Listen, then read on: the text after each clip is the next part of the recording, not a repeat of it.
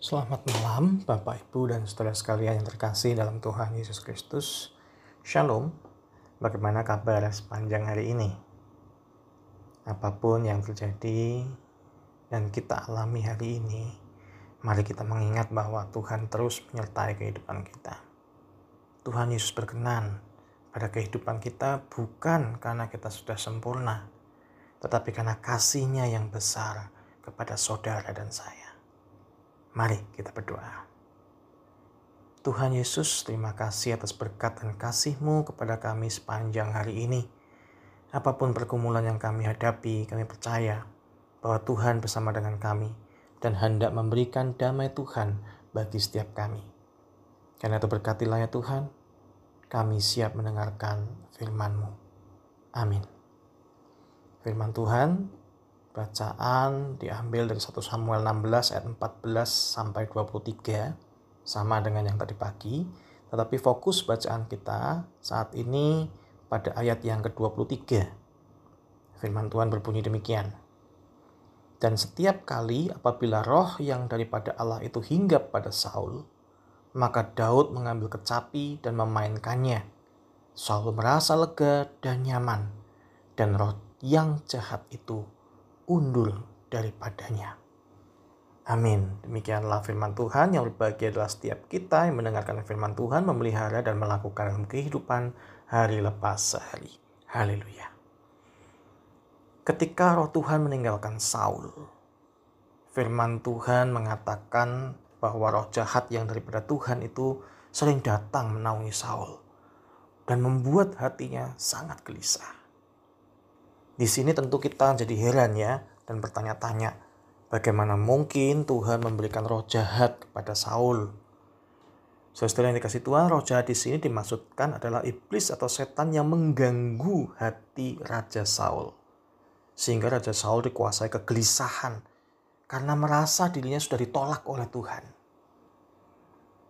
Jika kita mengingat kisah Ayub, bukankah kita menemukan juga bahwa iblis termasuk dalam malaikat-malaikat Tuhan? Tetapi malaikat yang telah jatuh dan dalam kesesatan hatinya iblis mencobai manusia. Nah, itu yang terjadi pada diri Saul. Perasaan ditinggalkan dan kehilangan perkenanan Tuhan membuat Saul gelisah. Dan hal itu terlihat jelas di mata para hamba Saul. Melalui permainan kecapi sebagai alat musik pada masa itu, hati Saul dapat ditenangkan kembali.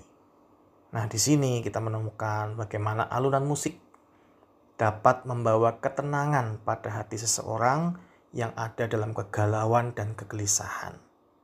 Dari sini tidak berlebihan jika kita katakan bahwa Tuhan memakai musik sebagai alat untuk mendatangkan kedamaian hati dan ketenangan batin di tengah kegelisahan hati kita.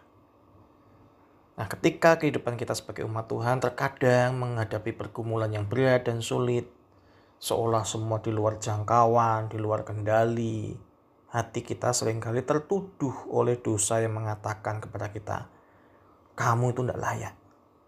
Kamu menderita karena dosa-dosamu. Kamu tidak cukup baik untuk diselamatkan Tuhan. Kamu tidak pantas menjadi anak Tuhan dan lain sebagainya. Tuduhan-tuduhan seperti itu datangnya dari iblis.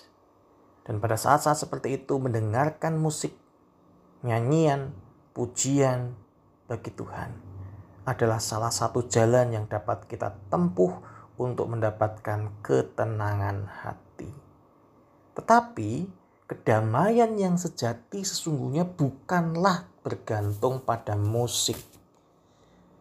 Namun ketika kita ada dalam perkenanan Tuhan Sebagaimana Daud diperkenan Tuhan menjadi raja atas Israel, sekalipun banyak menghadapi tantangan dan ancaman dalam perjalanannya, Daud tetap mengandalkan Tuhan dan mendapat pertolongan Tuhan dalam setiap pergumulannya.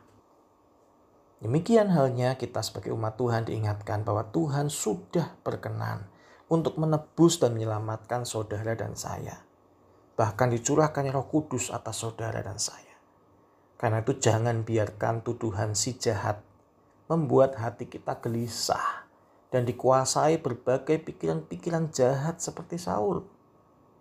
tetapi hiduplah di dalam perkenanan Tuhan. Ingatlah dan percayalah bahwa kasih Tuhan Yesus ada bagi kita. Hanya oleh kasihnya lah Tuhan berkenan menyelamatkan kita. Bukankah Tuhan Yesus berkata, damai sejahtera bagi kamu?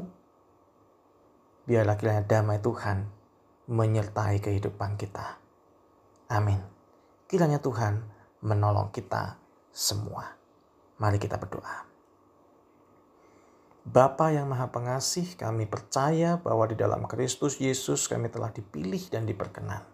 Bukan karena kehebatan dan kemampuan kami, bukan karena kami sudah sempurna dan kudus, tetapi hanya oleh karena kemurahan Tuhan.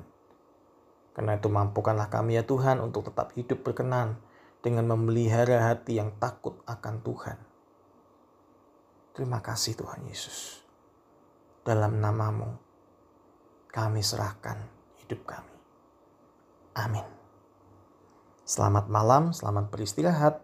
Tuhan Yesus memberkati.